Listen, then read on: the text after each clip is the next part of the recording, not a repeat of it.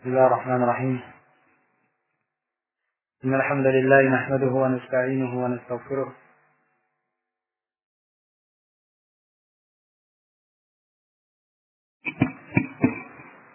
من يهده الله فلا مضل له ومن يضلل فلا هادي له. وأشهد أن لا إله إلا الله وحده لا شريك له وأشهد أن محمدا عبده ورسوله.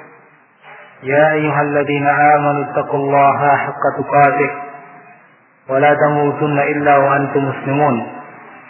يا أيها الناس اتقوا ربكم الذي خلقكم من نفس واحدة وخلق منها زوجها وبث منهما رجالا كثيرا ونساء. واتقوا الله الذي تساءلون به والأرحام إن الله كان عليكم رقيبا. يا أيها الذين آمنوا اتقوا الله وقولوا قولا سديدا. يصلح لكم أعمالكم ويغفر لكم ذنوبكم ومن يطع الله ورسوله فقد فاز فوزا عظيما أما بعد إخواني الأعزاء حفظكم الله kita akan melanjutkan apa yang tadi kita bahas yaitu kita membahas salah satu prinsip dari prinsip-prinsip Islam yaitu bahwa Nabi Shallallahu Alaihi Wasallam adalah penafsir Al-Quran. Beliau menerangkan Al-Quranul Karim sebagaimana Allah Subhanahu Wa Taala terangkan dalam ayat-ayat yang lalu. Ikhwani rahimakumullah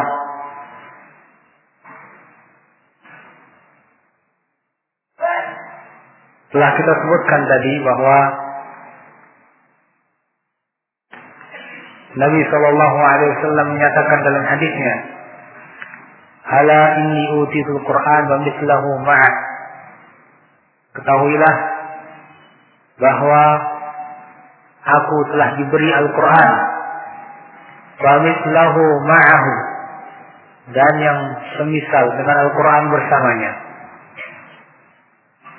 Al-Quran dan As-Sunnah tidak bisa dipisahkan. Kita telah memberikan contoh bahwa para sahabat Nabi Shallallahu Alaihi Wasallam saja sebagai orang yang paling berilmu ketika tidak mendapatkan bimbingan dari sunnah Nabi Shallallahu Alaihi Wasallam mereka keliru dalam memahami sebuah ayat. Dan ada beberapa contoh yang lain sebagaimana diterangkan oleh Syekh Al-Albani rahimahullah dalam bukunya atau makalahnya Manzilatus Sunnah fil Islam. Kedudukan as-sunnah dalam Islam. Ikhwani azzakumullah Al-Khattabi rahimahullah sampai mengatakan dalam sebuah ucapan yang dinukilkan oleh Al-Qurtubi dalam tafsirnya ففي الحديث دلالة على أنه لا حاجة بالحديث إلى أن يعرض على على الكتاب dan dalam hadis itu yang tadi kita baca menunjukkan bahwa la hajat bil hadis ila an yu'rada 'ala al-kitab tidak perlu hadis Nabi Shallallahu Alaihi Wasallam ini dinilai dengan Al-Quran benar dan salahnya. فإنه مهما ثبت عن رسول الله صلى الله عليه وسلم karena bagaimanapun hadis itu bila telah sahih dari Nabi Shallallahu Alaihi Wasallam karena hujjatan binafsihi maka hadis itu menjadi hujjah dengan sendirinya. Nah, ini wallahu alam beliau isyaratkan bahwa terkadang seseorang ketika menilai hadis Nabi Shallallahu Alaihi Wasallam sahih dan tidaknya dilihat kepada Al-Quran dibandingkan dengan Al-Quran ketika tidak cocok dalam arti kok tidak ada dalam Al-Quran keterangan semacam itu dianggap bertentangan dengan Al-Quran. Lalu hadis itu ditolak. Ini cara yang salah Ya, sebagaimana dilakukan oleh sebagian orang. Al-Khattabi rahimahullah tidak perlu seperti itu. Hadis Nabi Shallallahu Alaihi Wasallam manakala sahih, maka tidak mungkin bertentangan dengan Al-Quran. Dan itu hujah dengan sendirinya. Ikhwan Azzaikumullah di sini kita perlu mengetahui bagaimana keterangan Nabi Shallallahu Alaihi Wasallam terhadap Al-Quran supaya kita bisa memahami dengan baik dan tidak seolah-olah mengaju antara Al-Quran dengan Sunnah. Keterangan Nabi Shallallahu Alaihi Wasallam terhadap Al-Quran ini ada lima macam. Yang pertama, keterangan Nabi Shallallahu Alaihi Wasallam terhadap ayat-ayat yang masih mujmal global dalam ayat Al-Quran. Sebagai contoh misalnya tentang sholat sangat global dalam Al-Quran.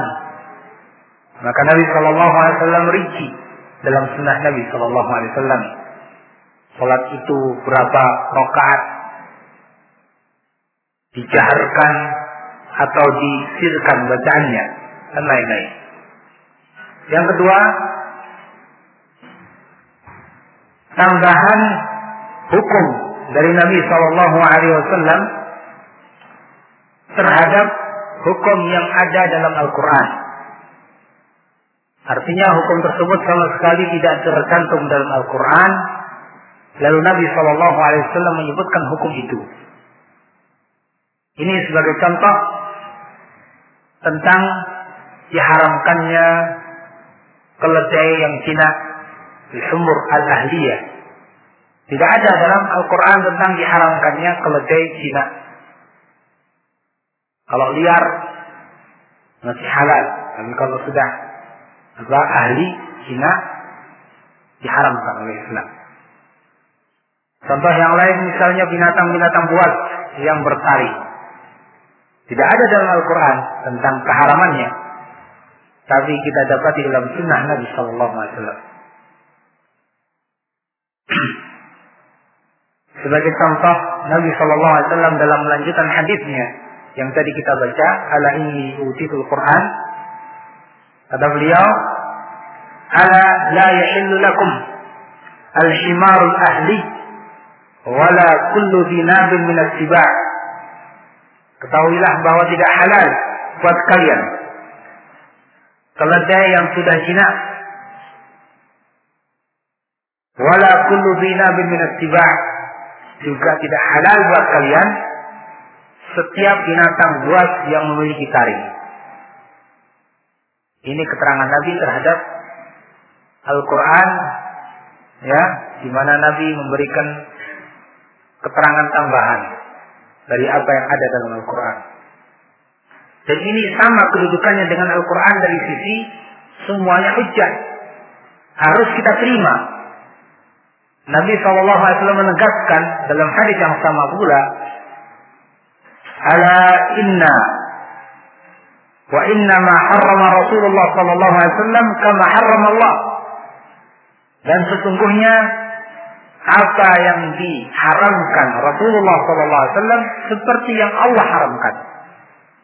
Ya, seperti yang Allah haramkan. Harus sama-sama kita terima. Nah, pada poin ini, keterangan Nabi yang kedua ini, sering kali orang-orang menganggap adanya pertentangan antara Al-Quran dan As-Sunnah. Dan mereka punya kaidah kalau Al-Quran dan Al-Sunnah bertentangan, ya harus dimenangkan Al-Quran. Sunnah ditolak. Karena bertentangan dengan Al-Quran. Nah ini perlu hati-hati. Ya. Mereka dengan kaidah seperti itu akhirnya karena ketidakpahaman atau kekurang pahaman mereka terhadap bentuk keterangan Nabi terhadap Al-Quran menganggap yang seperti ini bertentangan karena nggak ada dalam Al-Quran sehingga ditolak. Ini tidak benar. Ini tidak benar. Sekali lagi bahwa Al-Quran menerangkan Nabi Shallallahu Alaihi Wasallam membawa syariat dari Allah Subhanahu Wa Taala dan menyuruh kita untuk menerimanya. Wa ma'atakumur rasulu. Dan apa yang datang di bawah Rasul sallallahu alaihi wasallam maka ambillah. Wa ma nahakum anhu fantahu. Dan yang dilarang oleh Rasul maka berhentilah kalian. Makanya Nabi tegaskan dan apa yang diharamkan oleh Rasulullah seperti yang Allah haramkan. Sama-sama harus diterima. Yang ketiga, keterangan Nabi Shallallahu Alaihi Wasallam yang sama persis dengan apa yang ada dalam Al-Quranul Karim. Dan ini ya banyak. Ya. Kemudian yang keempat, keterangan Nabi Shallallahu Alaihi Wasallam terhadap lafaz-lafaz yang ada dalam Al-Quran. Penafsiran kata-kata yang ada dalam Al-Quran. Sebagai contoh misalnya, Nabi Shallallahu Alaihi Wasallam menerangkan kepada kita tentang maksud dari firman Allah Subhanahu Wa Taala, "Ghairil maghdubi alaihim waladhdallin." Kita memohon petunjuk kepada Allah, jalan yang lurus, bukan jalan al-maghdub alaihim yang dimurkai oleh Allah waladhdallin dan bukan jalan orang-orang yang sesat. Nabi menerangkan siapa yang dimaksud dengan al-maghdub alaihim bahwa yang dimaksud dengan al-maghdub alaihim adalah orang-orang Yahudi yang dimurkai Allah Subhanahu wa taala karena mereka tidak mau mengamalkan kebenaran yang mereka ketahui. Dan yang diterangkan bahwa yang dimaksud dengan awalin orang-orang yang sesat adalah orang-orang Nasrani karena mereka beramal tanpa ilmu. Nah ini keterangan Nabi Shallallahu Alaihi Wasallam. Yang kelima adalah keterangan dalam bentuk nasakh penghapusan beberapa hukum dalam Al-Quran ya ada ayat-ayat yang kemudian dihapus hukumnya oleh Nabi Shallallahu Alaihi Wasallam dalam hadisnya. Nah, nah ini juga harus kita imani. Ada beberapa contoh, misalnya dulu dalam Al-Quran ada ayat yang berbunyi tentang dirajamnya seorang yang berzina apabila sudah muhsan. Sekarang tidak ada kita dapati dalam ayat Al-Quran. Tapi walaupun hukumnya masih ada dalam sunnah Nabi. Nabi menghapus. Tentu itu perintah dari Allah Subhanahu wa taala. Dan beberapa ayat yang lain sebagaimana diterangkan oleh para ulama dalam buku An-Nasikh wal Mansukh. Nah, ikhwan fillah azakumullah, lima macam ini bisa kita kaji misalnya dalam kitab-kitab ulumul Quran misalnya dalam kitab juga yang khusus menjelaskan masalah ini yaitu karya Al-Suyuti rahimahullah taala Islahul Jannah fil i'tisam bis sunnah bis sunnah dan juga kitab-kitab yang lain. Nah, jadi fillah ketika kita mengetahui bahwa Nabi Shallallahu alaihi wasallam diberi tugas oleh Allah Subhanahu wa taala untuk menafsir Al-Qur'an maka dari itu kita harus selalu rujuk kepada sunnah untuk memahami Al-Quran. Dan tidak bisa kita lepas daripada sunnah. Kemudian kita sekarang ingin menengok mereka komplotan cil itu yang sedang kita bahas. Bagaimana pendapat mereka terhadap sunnah Nabi? Ternyata mereka seperti yang tadi sudah saya katakan, menganggap bahwa sunnah Nabi Shallallahu Alaihi Wasallam ini terkait dengan keadaan di Madinah dulu. Bahkan dengan terang-terangan oleh Abdullah Abdullah mengatakan apa? Kalau saya, menurut saya, kalau boleh saya menyebutkan bahwa sumber hukum itu hanya ada dua. Al-Quran dan pengalaman konkret manusia. Sumber hukum ini dua. Jangan dikira dua itu Al-Quran dan As-Sunnah. Ternyata Al-Quran sama pengalaman manusia. Naudzubillah min Ya. Dengan terang-terangan dia tidak menganggap sunnah Nabi Shallallahu Alaihi Wasallam sebagai sumber hukum dalam Islam. Apa yang tersisa kalau tidak ada sunnah? Sahabat Nabi Shallallahu Alaihi Wasallam saja dengan kepandaian mereka, dengan ilmu bahasa yang mereka miliki, tidak mampu memahami Al-Quran dengan benar pada beberapa ayat ketika tidak rujuk kepada sunnah bagaimana kemudian dengan orang-orang sekarang ini ya apalagi semacam ulil yang seperti itu mau mengesampingkan sunnah Nabi Shallallahu Alaihi Wasallam dan tidak menganggap itu sebagai sumber hukum. Apa yang tersisa dari Islam kalau sunnah diingkari? Oleh karenanya para ulama sangat keras terhadap orang-orang yang mengingkari sunnah.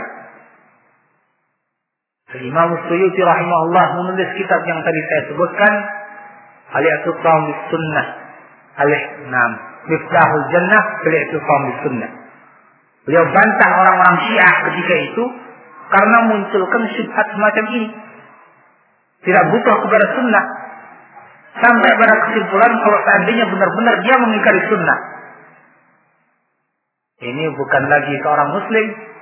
Ini merupakan kekafiran. Bagaimana tidak? Allah menyatakan, "Wa rasul fakhuduh." Apa yang dibawa oleh Rasul harus kamu terima. Yang dibawa oleh Nabi itu apa? Di samping Al-Quran juga sunnah. Seperti dalam hadis Nabi tadi. Kok dia malah tolak sunnah sementara Nabi, sementara Allah memerintahkan dia untuk menerima sunnah Nabi Shallallahu Alaihi Wasallam. Dan Nabi Shallallahu Alaihi Wasallam sesungguhnya telah mengisyaratkan akan adanya orang-orang semacam dia. Dalam hadis yang tadi kita baca, Ala inni utitul Qur'an mislahu ma'ah.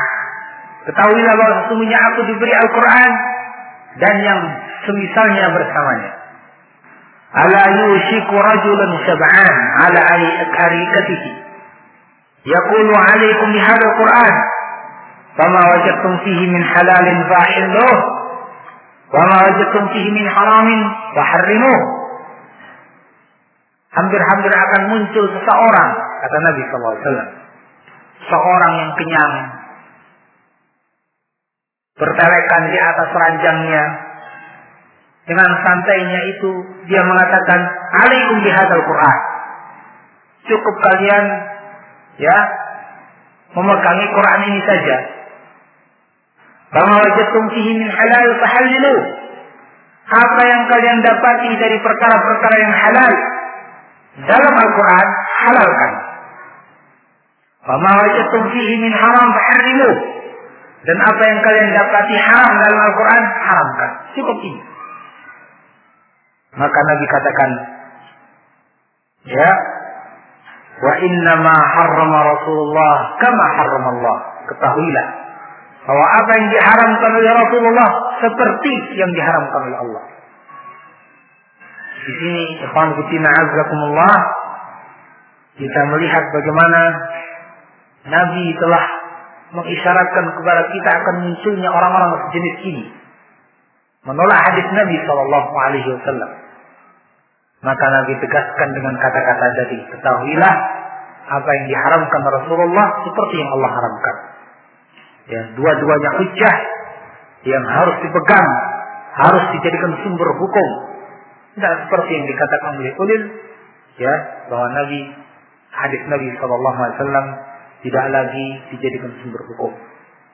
Itu terkait dengan masa lalu. Kontekstual ketika itu saja, kata dia.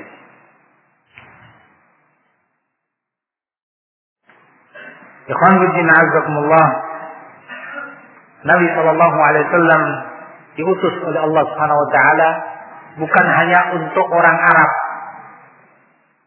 Nabi Shallallahu Alaihi Wasallam diutus oleh Allah Subhanahu Wa Taala bukan untuk masa itu saja, Nabi Shallallahu Alaihi Wasallam dijadikan oleh Allah sebagai penutup para nabi dan rasul sehingga risalahnya sampai akhir zaman dan untuk semua orang. Wama arsalnaka illa kafatan linnas dan tidaklah aku utus engkau kecuali untuk manusia seluruhnya.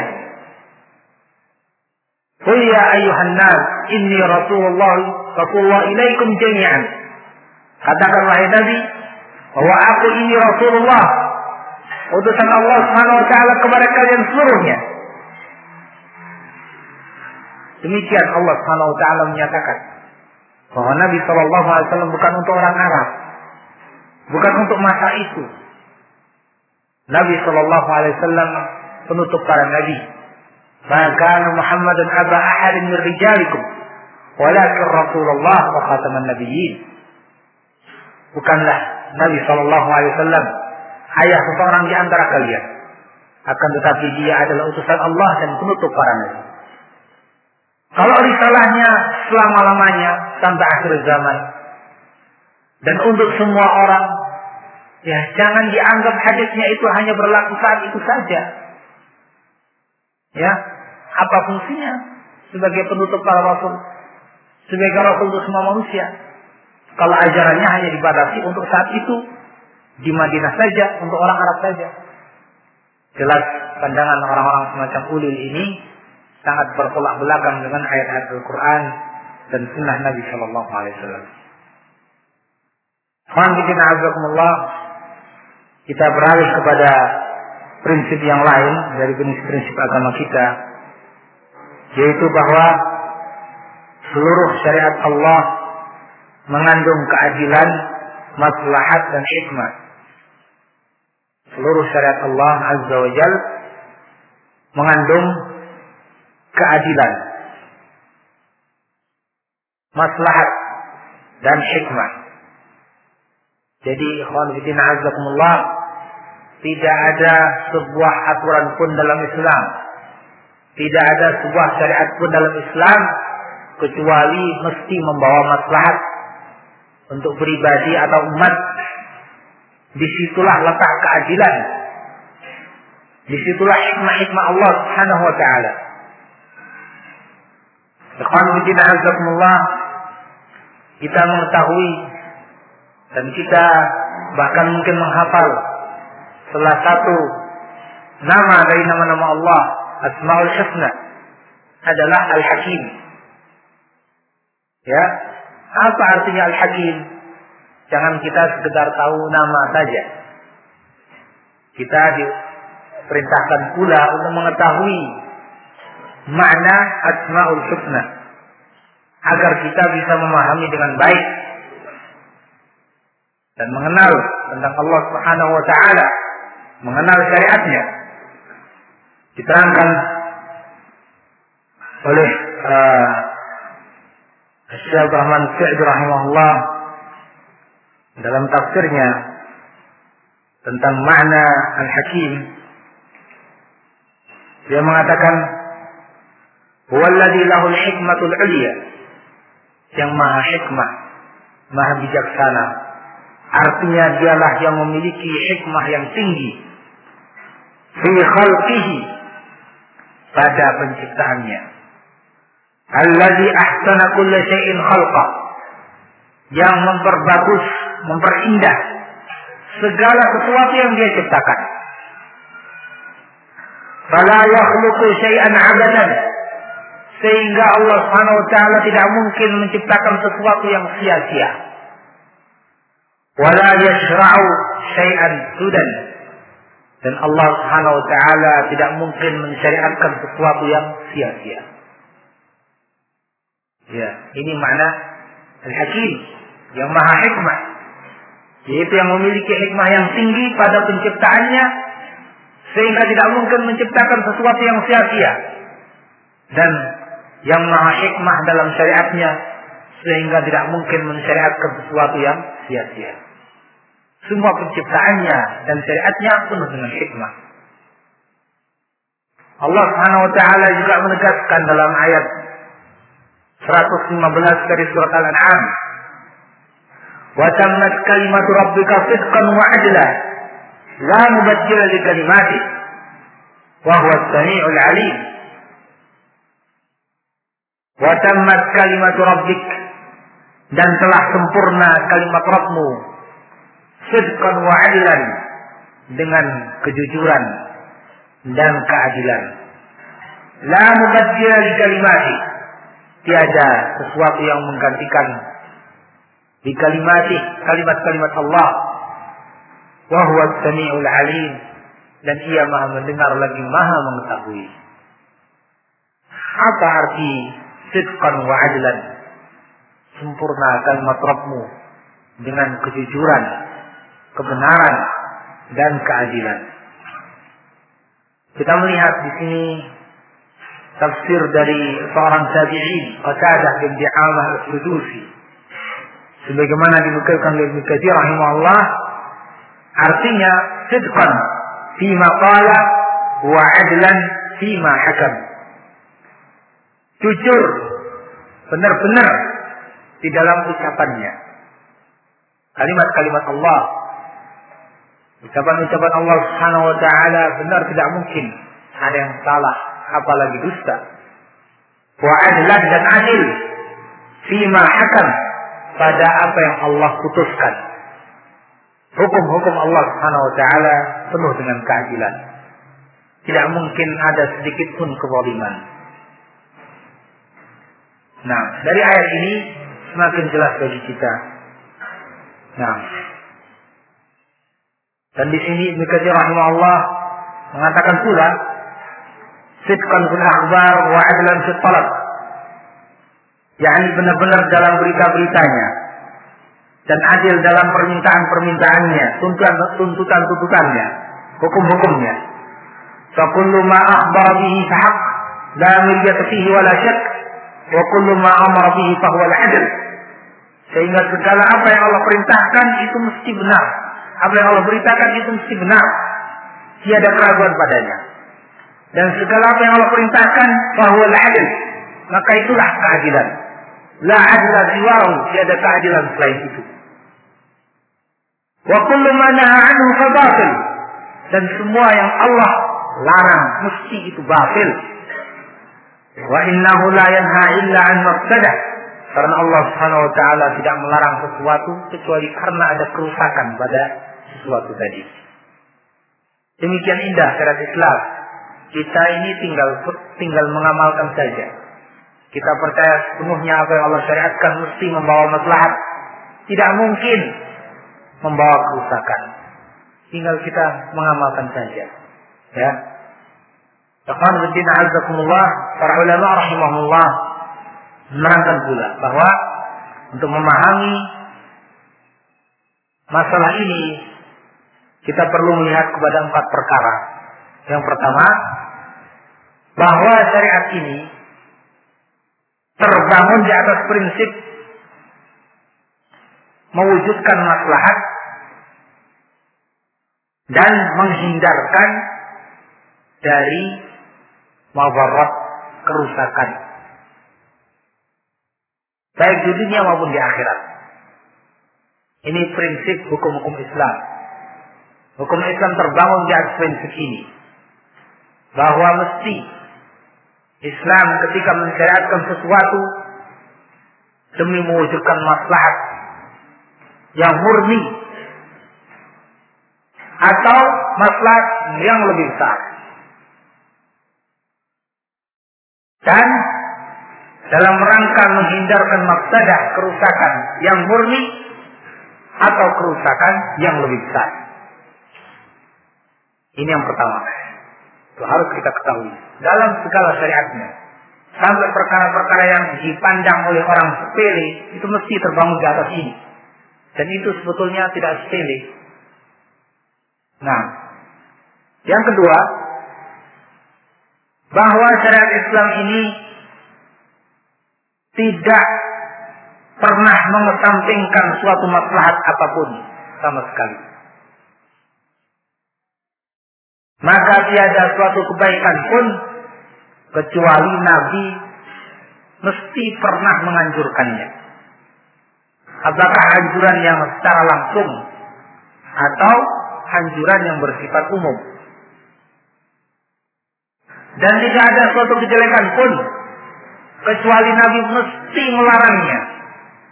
Apakah dengan larangan yang khusus kepada perkara itu atau dengan larangan yang bersifat umum. Ya, ini juga harus kita yakini. Dan itu dinyatakan oleh Nabi Shallallahu Alaihi Wasallam dalam beberapa hadis. Ya, di antaranya beliau Shallallahu Alaihi Wasallam mengatakan, Innahu lam yakun nabiyyun qabli illa kana haqqan alaihi an yadulla ummatahu ala khairi ma ya'lamuhu lahum. Tidaklah seorang nabi pun sebelumku kecuali wajib baginya untuk menerangkan kepada manusia kebaikan apa yang mereka ketahui. Wa yunzirahum syarra ma ya'lamuhu lahum. Dan memperingatkan kepada mereka kejelekan apa yang mereka ketahui. Hmm. Para nabi seperti ini dan tentu Nabi Muhammad sallallahu alaihi wasallam tidak ada suatu kebaikan pun yang mereka ketahui kecuali mesti telah diberitahukan kepada umatnya. Ini jalan yang baik. Dan tidak ada kejelekan apa pun yang mereka ketahui kecuali mesti mereka telah peringatkan umatnya darinya. Beliau juga mengatakan tidaklah sesuatu yang mendekatkan kepada jannah kecuali aku telah terangkan kepada kalian. Dan tidaklah ada sesuatu yang apa menjauhkan kalian dari neraka kecuali aku juga telah terangkan kepada kalian. Semua pintu-pintu kebaikan telah diterangkan oleh Nabi Shallallahu Alaihi Wasallam. Tidak pernah mensampingkan ya sesuatu pun. Sekali lagi, baik secara langsung atau dengan anjuran-anjuran yang bersifat umum.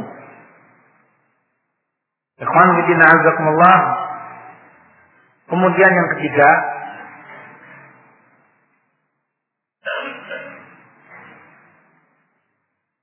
Jika telah diketahui nomor satu dan nomor dua tadi, maka tidak mungkin terjadi pertentangan antara syariat dengan maslahat. Tidak mungkin pertentangan antara syariat dengan maslahat. Ya, dan tidak tergambar bertolak belakang antara syariat dengan maslahat. Tidak mungkin sama sekali. Kenapa? Karena tadi dua yang di atas telah kita sebutkan, yang itu hasilnya adalah yang ketiga ini. Tidak mungkin ada sesuatu dari syariat ini yang bertentangan dengan maslahat. Apa yang Allah perintahkan mesti mengandung kebaikan. Baik secara murni atau lebih besar. Apa yang Allah larang mesti mengandung kejelekan. Baik secara murni atau kejelekan yang lebih besar.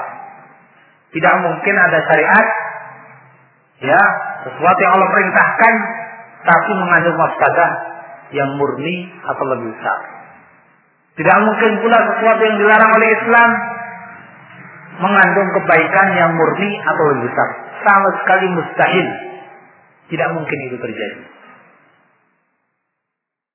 Kemudian yang keempat, bila kita telah ketahui semuanya itu, apabila tergambar pada benak kita sesuatu yang kita pandang baik, tapi ternyata syariat tidak memerintahkannya.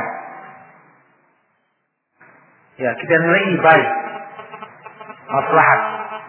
Tapi syariat kok tidak memerintahkan atau bahkan melarang. Nah ini tidak lepas dari dua kemungkinan. Kemungkinan yang pertama adalah jika pandangan kita ini benar, maka yakinlah sesungguhnya saya telah memerintahkan. Cuma kita yang belum paham. Mungkin kita belum tahu dalilnya, belum tahu ayat Al-Quran yang memerintahkan, belum tahu hadis Nabi yang memerintahkan, mungkin seperti itu. Atau kemungkinan yang kedua, kita yang salah. Kita memandang itu sesuatu yang baik, sementara sesungguhnya itu yang jelek. Akal kita yang kurang nyampe kepada pemahaman seperti itu. Ya, nggak lepas dari dua kemungkinan ini. Nah, Demikian diterangkan oleh para ulama rahimahullah bisa dilihat dalam masuk fatwa, Iftah Darus Sa'adah, dalam Muwakilin, dan sumber-sumber yang lain. Saya nukilkan di sini sebagian ucapan para ulama yaitu ucapan Ibnu Qayyim rahimahullah dalam I'lamul Muwaqqi'in beliau mengatakan fa inna syari'ata mabnaha wa asasuha 'ala al-hukmi wa masalih al-ibad fil ma'ash wal ma'ad Sesungguhnya syariat ini fondasinya dan asasnya adalah maslahat hamba. Baik di kehidupan ini atau al-ma'ad di akhirat nanti. Wahia adilun kulluha. Dan syariat ini adil semuanya. Warahmatun kulluha. Dan rahmah, kasih sayang semuanya. Wa masalih kulluha. Dan maslahat semuanya wa hikmah kulluha dan semuanya penuh dengan hikmah. Demikian kata Ibnu Qayyim rahimahullah taala. Jadi ikhwan fillah azakumullah kalau begitu setelah kita mengetahui itu semuanya ya kita harus yakin sebagai seorang muslim bahwa apa pun yang Allah taala perintahkan itu maslahat buat kita secara pribadi atau buat umat. Kita tinggal mengikuti. Jangan ada suuban buruk sangka kepada syariat Allah taala atau bahkan sampai menfonis mengklaim bahwa syariat Allah taala ini zalim. Ya, bagaimana hukum potong tangan itu zalim? Bagaimana hukum rajam dan lain-lain?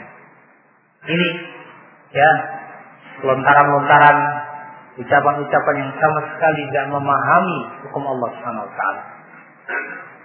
Kita telah mengetahui tadi bahwa yang tidak boleh seorang muslim pun meyakini kecuali bahwa syariat Allah Subhanahu wa taala penuh dengan maslahat. Atas dasar itu semuanya, sekarang kita mengetahui apa yang digagas yang dilontarkan oleh orang-orang jil jaringan Islam liberal itu di mana mereka menganggap bahwa syariat-syariat Islam ini tidak lagi pantas di zaman sekarang ini. Tak cocok dengan perkembangan zaman. Ya. Tidak lagi relevan. Bahkan di antara mereka yang mengatakan seandainya syariat Islam ini diterapkan, hukum Islam ini dilakukan, maka korban pertamanya adalah wanita. Kok bisa seperti itu? Ya, dianggap Islam ini mencari korban apa? Ya, laut itu tsunami yang cari korban. Gempa. Tapi Islam dianggap ya zalim. Dianggap wanita terzalimi oleh Islam dengan diamalkan syariat Islam. Ini ucapan mereka orang-orang liberal sehingga menolak hukum-hukum Islam. Banyak. Dan rupanya ini yakni dari dulu orang-orang yang tidak suka dengan hukum Islam sejak zaman dahulu tidak mau bahkan menganggap zalim hukum-hukum had orang kafir murtad dalam Islam harus dibunuh dan ini tapi dilaksanakan bukan oleh perorangan ya pemerintah muslim yang melaksanakannya. Ditentang oleh mereka. Pencuri dengan persyaratan-persyaratan yang ada, hukumannya potong tangannya. Seorang yang membunuh harus dikisar. Semuanya itu ditolak oleh mereka, dianggap zalim, wahsi. Kata mereka dalam bahasa Arab wahsi, yakni apa? Mungkin bahasa kita sangar atau bagaimana? Kata-kata yang makna dengan itu. Tidak pantas sama sekali. Kalau mereka memikirkan, mestinya mereka gunakan akal pikiran mereka untuk memikirkan masalah-masalah yang ada dalam syariat itu. Jangan mereka gunakan akal pikiran mereka untuk menolak syariat. Salah. Ya. Coba lihat Allah Subhanahu wa taala mengatakan walakum fil qisasi haya ya ulil albab. Dan bagi kalian dalam hukum qisas itu ada kehidupan. Wahai orang-orang yang berakal, berakal. Ya ulil albab. Ya, ulil abtar. Orang yang benar-benar memiliki albab, pikiran. Yang memiliki pandangan benar-benar. Bukan ulil abtar yang itu. Pikirkan. Allah mengatakan bahwa dalam kehidupan dalam kisah ada kehidupan. Benar. Seorang yang membunuh. Diterangkan oleh para ulama di antaranya oleh uh, Asy-Syinkiti rahimahullah dalam kitab tafsirnya Abu Al-Bayan. Seorang yang membunuh maka dihukum kisah. Nah, dengan hukuman yang kejam menurut mereka tapi sebetulnya bukan kejam Hukuman yang keras. Begitu mungkin bahasa yang tepat, yang keras terhadap orang yang membunuh. Ini mereka akhirnya ketika mau membunuh mikir-mikir, wah nggak jadi. Kalau saya membunuh, saya pun akan dibunuh. Akhirnya selamat. Soalnya kalau dia membunuh dua dan akhirnya mati. Kalau dia ingat hukum Allah, nggak jadi membunuh. Dua yang selamat. Ini yang berkaitan dengan kasus pembunuhan. Yang langsung berkaitan dengan kasus pembunuhan tadi. Orang lain, ya, orang lain juga seperti itu. Ketika melihat hukum yang seperti itu, juga mengambil pelajaran. Kalau saya membunuh juga, saya nasibnya seperti itu nanti. Akhirnya dengan hukum yang seperti itu jiwa muslimin terjaga. Tidak sembarangan orang menumpahkan darah. Zaman sekarang antum mungkin lebih mengetahui, kalian lebih mengetahui berapa ah, yakni rata-rata pembunuhan perharinya atau per minggunya di negeri kita misalnya atau di Amerika sana yang katanya sudah maju. Coba lihat pembunuhan di negara mereka. Itu kita bandingkan kalau mau jujur ya bagi orang yang memandang dengan jujur negara Saudi Arabia yang mau jujur tanpa ada sentimen dengan Saudi Arabia. Mereka menerapkan hukum kitab ini. Coba hitung berapa angka pembunuhan di sana sangat sedikit sekali. Sangat sedikit sekali. Kalau saya ketika di sana misalnya mendengar berita kisos itu, barangkali kalau di rata-rata barangkali perkiraan saya saja mungkin sebulan sekali. Ya. Dan itu pun mungkin membunuhnya bukan tiap bulan ada pembunuhan, dulu-dulu mungkin. Jadi proses sekian lama baru. Ya ini sangat sedikit sekali angka pembunuhan di sana. Di Amerika barangkali bukan lagi setiap hari mungkin. Mungkin hitungannya per jam atau per menit. Coba kita lihat. Kalau kita mau menggunakan akal kita, ya, pada tempatnya, kita pikirkan hukum-hukum Allah Subhanahu wa taala itu hikmahnya. Kita akan dapati hikmah seperti itu. Tapi orang-orang ini justru menggunakan akal mereka ya untuk menentang hukum-hukum Allah Subhanahu wa taala. Dianggap zalim, tidak ada maslahatnya, tidak cocok untuk zaman ini dan lain-lain. Maka perlu kita renungi firman Allah Subhanahu wa taala dalam surat Al-Baqarah ayat yang ke-140. Kita katakan kepada orang-orang yang jenis mereka, "Qul a'antum a'lamu amillah?" Apakah kalian lebih tahu atau Allah? Ya. Kalian lebih tahu atau Allah Subhanahu wa taala? Kalau kita sebagai seorang muslim tanpa ada keraguan kita katakan Allah a'lam. Tentu lebih tahu dan tiada bandingannya. Sehingga kita pasrahkan kepada Allah Subhanahu wa taala dan kita mengamalkan syariat Allah Subhanahu wa taala ya dengan penuh keyakinan bahwa semuanya membawa maslahat tanpa ada keraguan sama sekali. Ikhwan Budina Azzaikumullah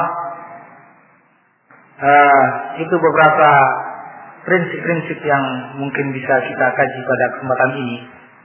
Sebetulnya di sana ada prinsip-prinsip Islam yang lain yang juga sangat perlu kita ketahui. Namun karena keterbatasan waktu daurah ini, maka kita ambil yang kira-kira sangat perlu untuk disebutkan. Dan bila kita perhatikan masing-masing dari apa yang kita sebut tadi, maka ternyata setiap darinya telah ditentang oleh komplotan jil tadi. Dari prinsip yang pertama sampai yang terakhir kita sebut ini, semuanya telah ditentang oleh jil. Jaringan Islam liberal. Kalau begitu mereka ini ingin memperjuangkan Islam atau merobohkan Islam? Jelas mau merobohkan Islam. Yang mereka serang bukan perkara-perkara yang sifatnya hanya mungkin perkara ibadah atau akhlak. Ternyata sampai pada prinsip-prinsip akidah. Mulai masalah uluhiyah. Tauhid uluhiyah. Mereka serang. Keimanan kepada Al-Quran. Mereka serang. Keimanan kepada Nabi Sallallahu Alaihi Wasallam mereka serang. Menurut Ulil Abdur Abdallah, Nabi itu seorang tokoh historis ya. Yang harus dikritik juga. Dilihat. Benar apa salah? Ditimbang seperti menimbang manusia yang lain. Naudzubillah Jadi prinsip-prinsip iman ini telah mereka serang untuk mereka robohkan. Rukun iman yang enam, seorang muslim harus meyakininya dengan penuh apa kemantapan. Seandainya satu saja mereka tidak yakini, maka bukan lagi disebut orang yang beriman. Iman dengan takdir misalnya sebagai contoh. Dulu di masa akhir-akhir para sahabat Nabi Shallallahu Alaihi Wasallam di Irak, tepatnya di daerah Basra, muncul orang-orang Qadariyah yang mengingkari takdir. Dimunculkan ini pemikiran oleh Ma'bad al-Juhani. Maka dua orang tabi'in dari sana datang untuk melakukan haji atau umrah dengan niat juga ingin melaporkan kejadian ini kepada para sahabat Nabi.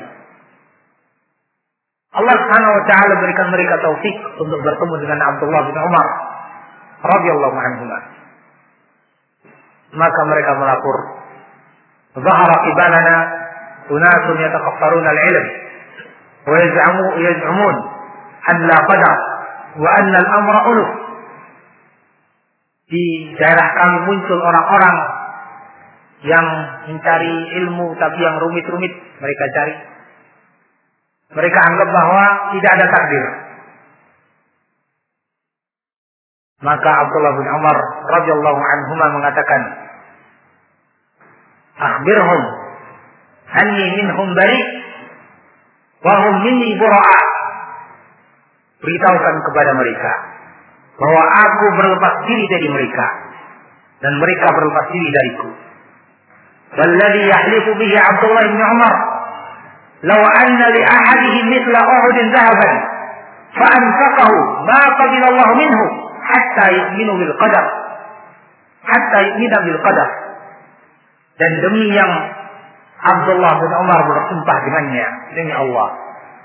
Seandainya seseorang di antara mereka memiliki sebesar gunung Uhud emas, emas sebesar gunung Uhud, seandainya mereka memilikinya dan mereka infakkan, ma fadilallahu minhu, Allah akan terima dari mereka.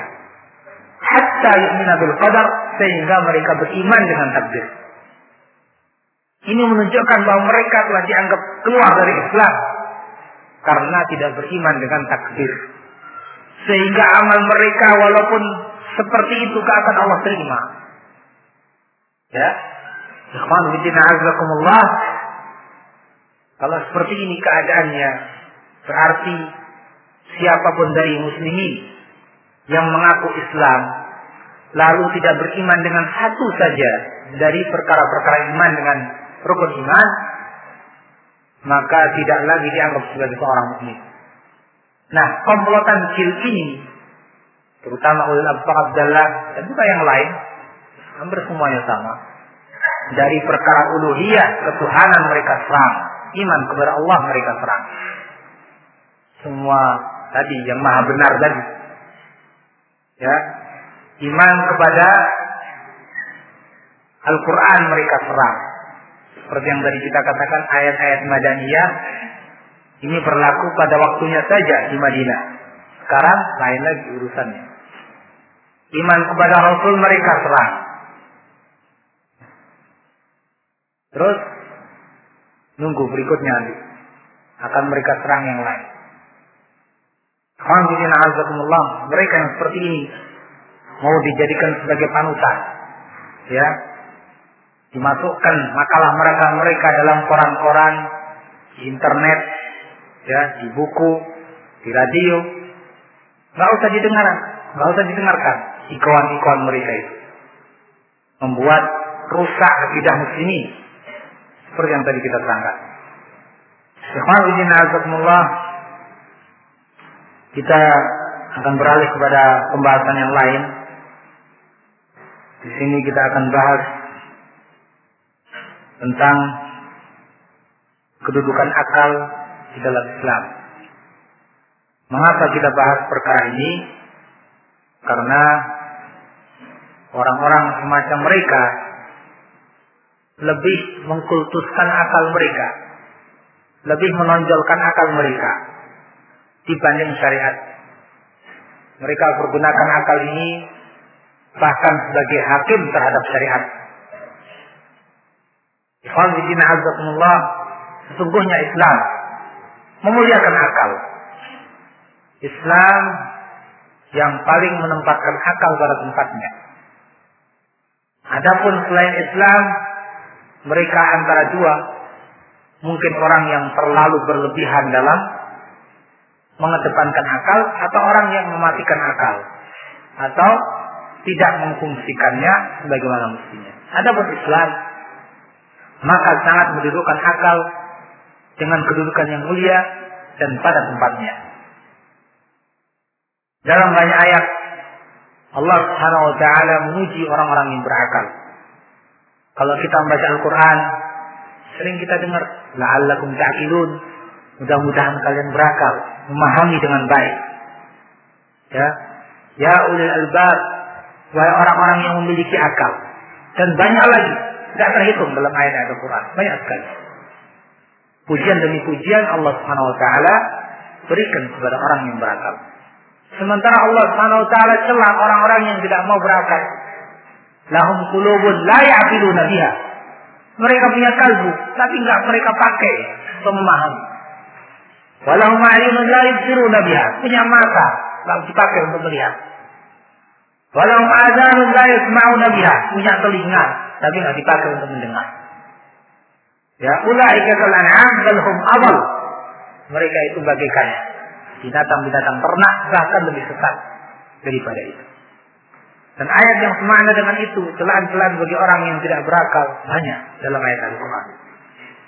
Ini sebagai salah satu bukti bagaimana Islam memuliakan akal.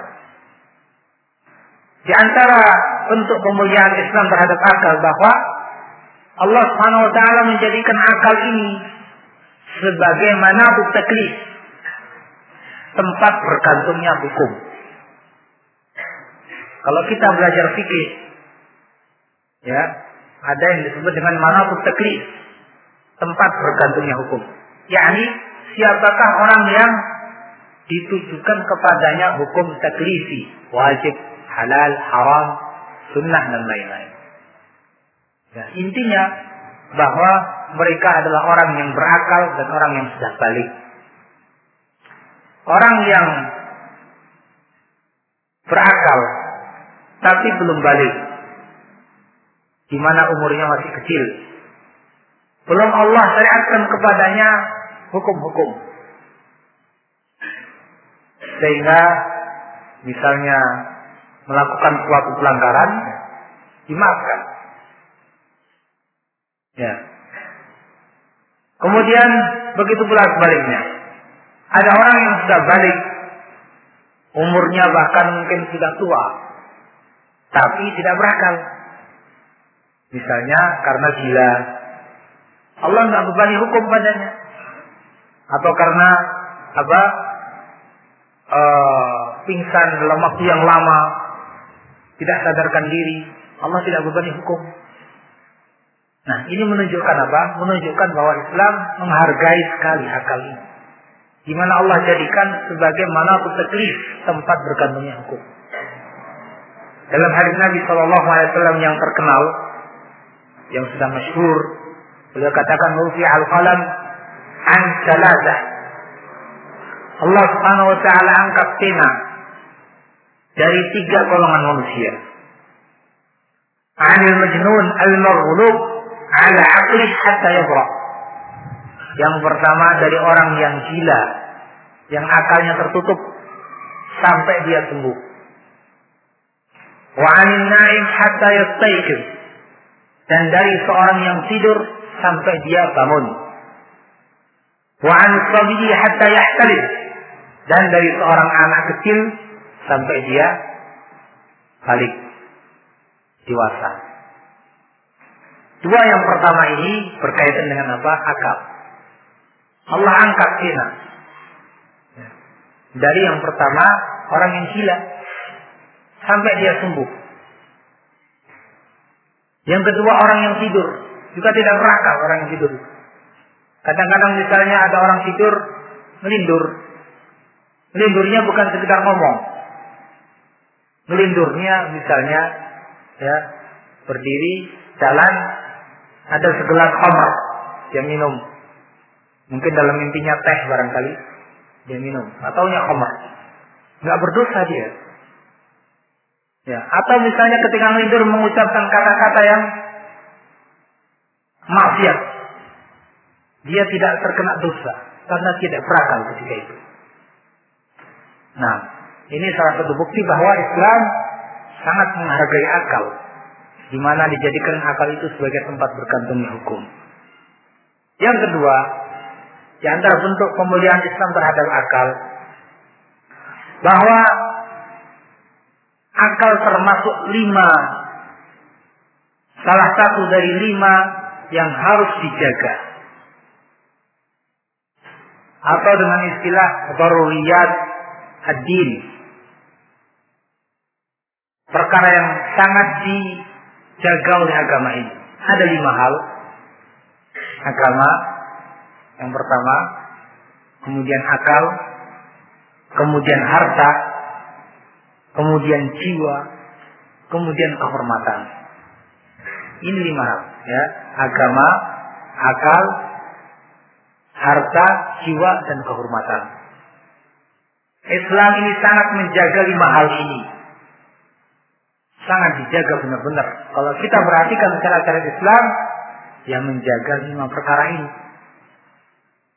Termasuk seperti yang kita sebut tadi akal, sangat dijaga dalam Islam. Apa di antara bentuk penjagaan Islam, pemeliharaan Islam terhadap akal? Di antaranya Allah Subhanahu wa taala mengharamkan khamr.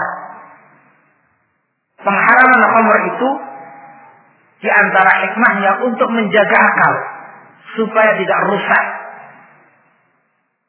Khamr, kalau kita lihat dari sisi bahasanya, ya kata khamara itu artinya menutup.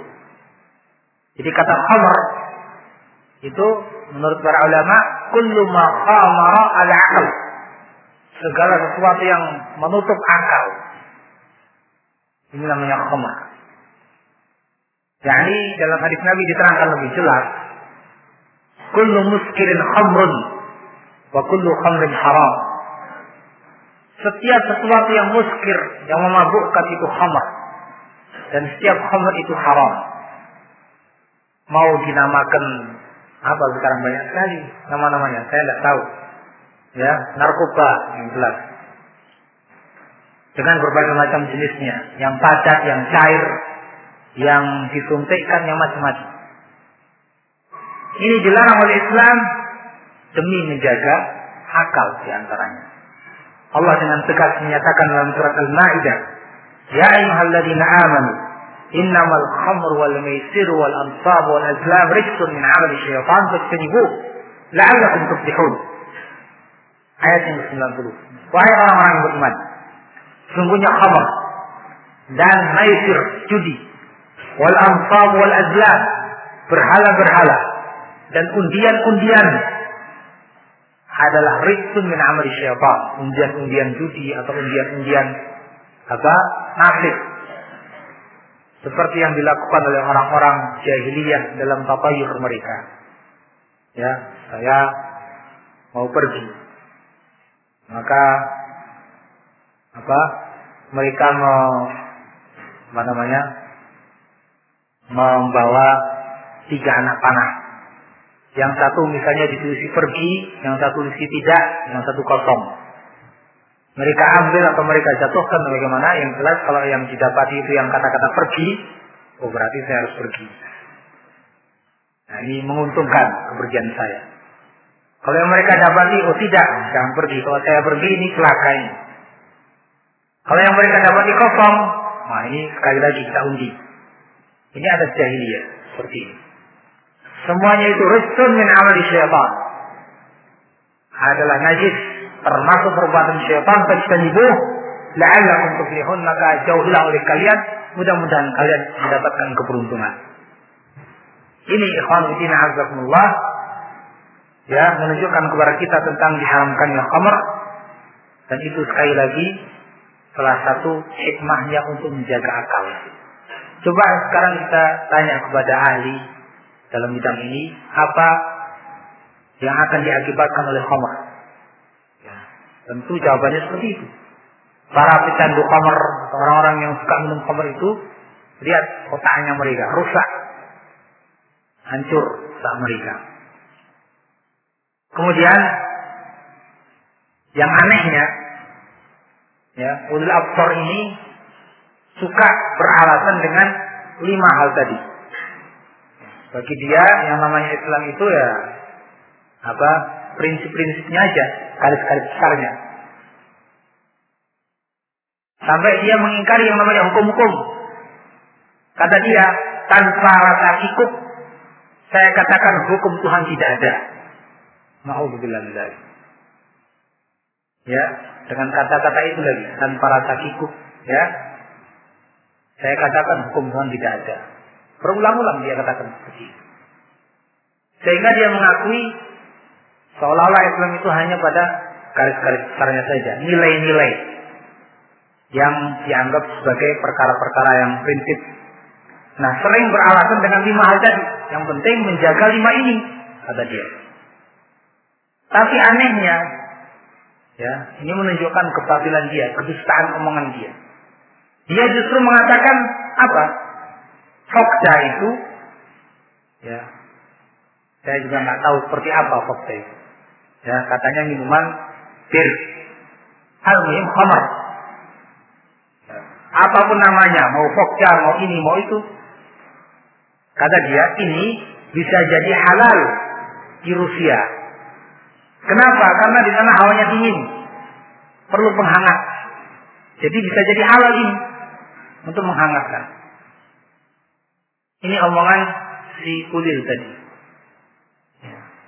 Dia beralasan menjaga lima hal yang dijaga oleh Islam, tapi ternyata malah menghalalkan, mau menghalalkan, atau mengatakan seperti tadi, bisa jadi pokda itu halal. Ini mau menjaga atau mau merusak. Islam mengharamkan khamr demi menjaga akal, malah dia mau menghalalkannya. Nah, ikhwan fillah ya selalu omongan-omongan mereka itu ahli batil kontradiksi. Kenapa satu dengan yang lainnya bertabrakan. Kalau kita ya bandingkan.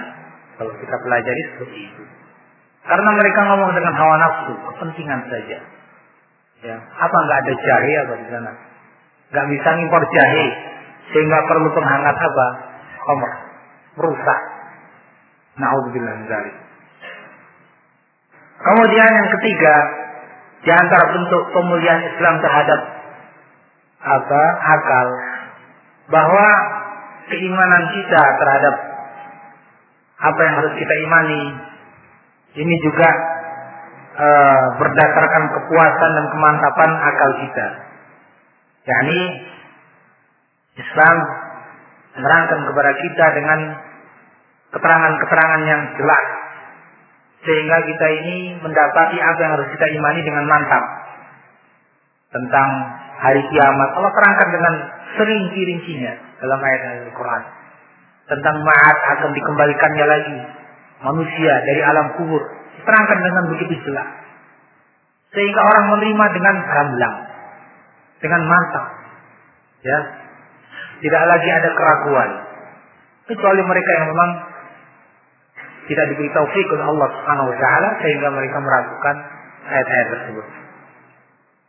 Ikhwan fillah azakumullah demikian beberapa kemuliaan Islam terhadap akal.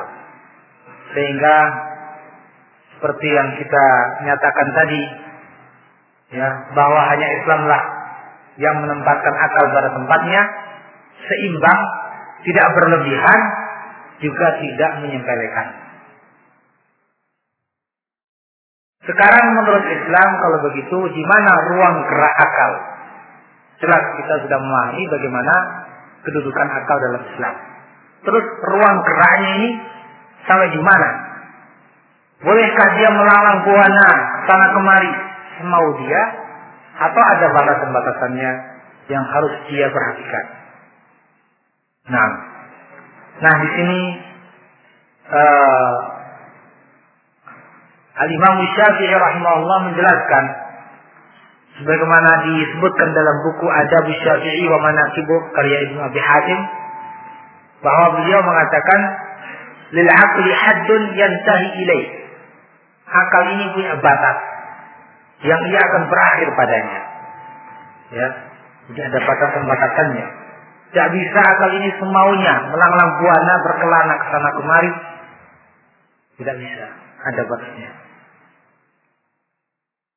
As-Safarini rahimahullah taala juga menjelaskan dalam bukunya Lawami'ul Anwar Al-Bahiyah bahwa Allah Subhanahu wa taala menciptakan akal dan memberi memberinya kekuatan untuk berpikir. Allah Subhanahu wa taala menjadikan padanya batas yang ia harus berhenti padanya. Dari sisi berpikirnya. Bukan dari sisi ia menerima karunia ilahi jika akal menggunakan daya pikirnya pada lingkup dan batasnya serta memaksimalkan pengkajiannya pada batas itu maka ia akan tepat ya dalam menentukan sesuatu dengan izin Allah Subhanahu wa taala. Tapi kalau dia menggunakannya di luar lingkup dan batas yang telah Allah tetapkan, maka ia akan membabi buta. Demikian diterangkan oleh ini rahimahullah taala. Ya, jadi kalau begitu ruang gerak akal ini terbatas. Tidak boleh semaunya. Dan seandainya ia diperbolehkan semaunya bergerak, justru itu akan membebani akal. Akan memaksa akal pada sesuatu yang ia tidak mampu. Ya, akal ini mau dipakai dalam perkara-perkara yang lain, akhirnya orang bisa gila. Gak akan mampu akal ini memikirkan sesuatu yang lain. Terbatas pada perkara-perkara tertentu akal ini. Maksimalkan pada batasnya. Jangan melampaui batas yang ditentukan oleh Allah Subhanahu wa taala. Inti dari batasan-batasan gerak akal ini bahwa ya akal ini tidak boleh dipergunakan pada perkara-perkara yang lain dalam arti ya, yang menginginkan tentang perkara-perkara yang lain yang tidak bisa dicerna oleh akal manusia begitu saja. Karena berkaitan dengan perkara-perkara yang gaib itu kita harus tunduk kepada wahyu. Kita tahu ada malaikat dari mana? Dari wahyu. Sehingga kita beriman dengan malaikat. malaikat memiliki sifat-sifat tertentu. Dari mana kita tahu? Dari wahyu. Kita imani. Kalau kita mau dengan akal kita kita paksakan seperti apa malaikat, tidak akan mampu akal ini. Ini sebagai contoh. Jadi, ya gunakan akal itu pada tempatnya. Ikhwan Azzaikumullah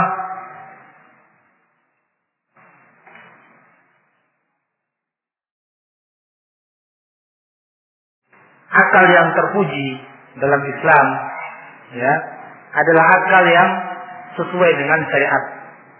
Yang mendukung syariat. Ketika apa yang Allah tentukan dari hukum-hukum?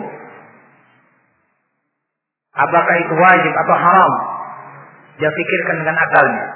Dia dukung syariat itu. Benar Allah mengharamkan khamar karena begini begini begini Benar Allah Subhanahu wa taala menghalalkan jual beli karena begini dan begini. Nah, akal yang mendukung syariat seiring sejalan dengan syariat itu akal yang terpuji. Dan sebaliknya akal yang tercela adalah akal yang dipergunakan untuk menentang syariat.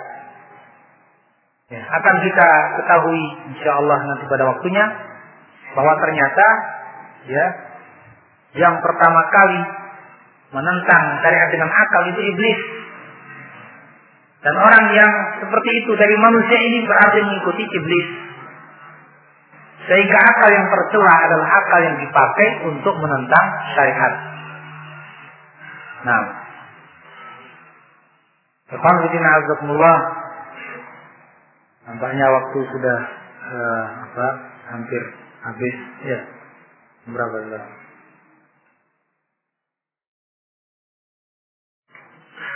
Dan pembahasan masih cukup banyak. Insya Allah kita lanjutkan pada kesempatan yang lain. Ya, supaya tidak nanggung. Allah taala alam shawab. Subhanakallahumma hamdika asyhadu an la ilaha illa anta astaghfiruka wa atubu ilaik. Alhamdulillah rabbil alamin. Wassallallahu ala Muhammad. Assalamualaikum warahmatullahi wabarakatuh.